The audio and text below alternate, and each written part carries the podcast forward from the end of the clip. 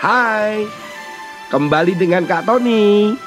Kita akan membedah, membuka, belajar tentang kitab Amsal yang ditulis oleh Raja Salomo agar kita mendapatkan hikmat pengetahuan dalam menjalani kehidupan ini. Dibawakan oleh Kak Tony. Tuhan Yesus memberkati.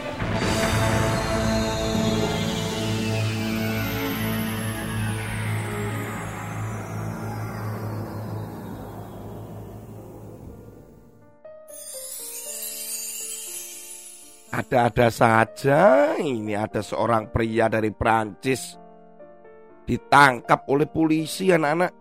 Kenapa?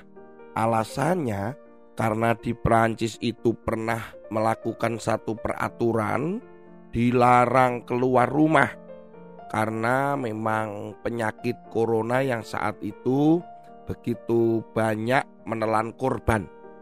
Nah, mereka membuat peraturan bahwa tidak boleh keluar rumah dan ada pembatasan-pembatasan pada penduduknya.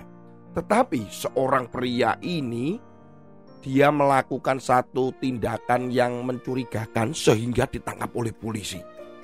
Orang yang ingin keluar dari rumah di Prancis harus mengisi formulir mengapa alasannya mereka akan keluar rumah. Dan mereka harus download aplikasi di rumah dan menuliskannya apa dan mengapa mereka keluar rumah. Pemuda dari Prancis ini di kota Lannion ini menuliskan di kolom alasan mengapa keluar rumah karena alasannya ingin memukul orang. Aduh. Alasan kok ingin memukul orang.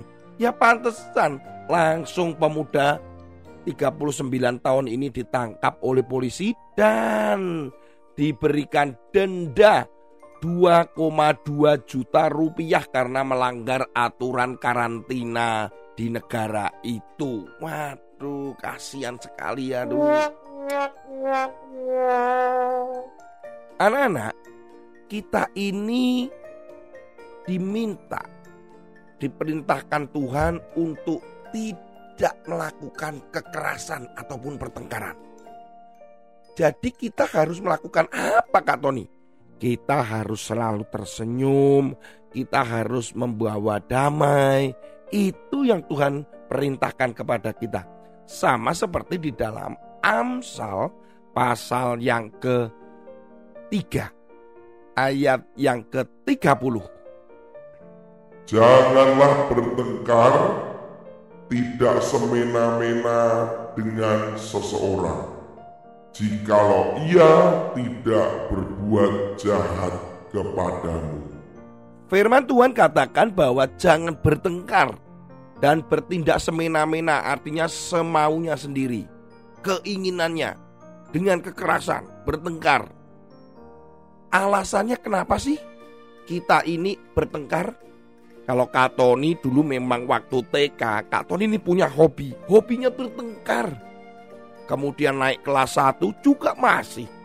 Bahkan Kak Tony punya teman-teman yang Kak Tony bisa ajak untuk bertengkar bersama-sama.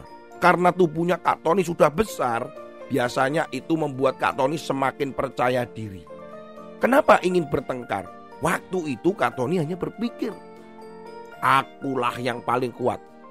Aku harus diakui bahwa yang paling kuat. Gitu. Itu alasannya Kak Tony. Pengen kelihatan hebat.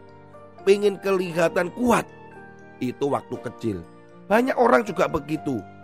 Pemuda tadi juga kenapa dia ingin memukul orang. Mungkin dianggap bahwa dengan memukul orang dia bisa menunjukkan kekuatannya, kehebatannya. Dan lagian itu akan membuat dia puas begitu. Wah ini bahaya sekali anak-anak. Firman Tuhan katakan kita nggak boleh bertengkar, kita nggak boleh memukul orang, kita juga tidak boleh membuat semena-mena orang lain. Kecuali dikatakan di situ apa? Jika tidak berbuat jahat kepadamu, kalau ada orang berbuat jahat, artinya bukan bertengkar itu, artinya anak-anak itu membela diri kita bisa lari, kita bisa menangkis. Itu bukan kekerasan, tapi itu membela diri. Tetapi selain itu, jangan bertengkar. Bertengkar dengan orang tuamu, papa mama, bertengkar dengan temanmu, bertengkar dengan adikmu atau kakakmu. Wah, itu jangan. Jadi kita harus membawa damai. Kita harus selalu membawa sukacita supaya mereka bisa merasakan damai sejahtera juga. Jadi kalian gak boleh bertengkar. Jangan bertengkar kemudian akhirnya membawa apa? Membawa masalah itu semakin panjang. Begitu anak-anak. Ayo, jangan bertengkar ya. Sampai ketemu lagi dengan Kak Tony di episode berikutnya. Tuhan Yesus memberkati.